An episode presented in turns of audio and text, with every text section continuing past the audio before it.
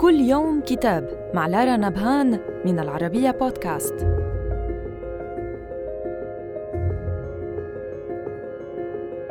كتابنا اليوم بعنوان الخلاص من الغرب الأوراسية الحضارات الأرضية مقابل الحضارات الأطلسية. للكاتب ألكسندر دوغن وترجمة الروائي علي بدر.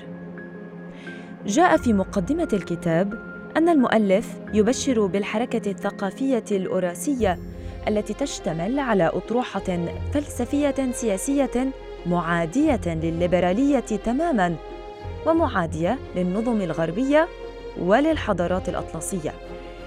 ويبين عبر قراءة معمقة تناقضاتها وانهيارها الوشيك إذ ستسمح كحتمية تاريخية للنظرية الأوراسية بالانتصار الساحق ولكنها كفلسفة لا تدعي عالميتها ولا قطبيتها الوحيدة ولا تفرض نفسها على الثقافات الأخرى كما فعلت الليبرالية طوال القرن العشرين وبداية هذا القرن.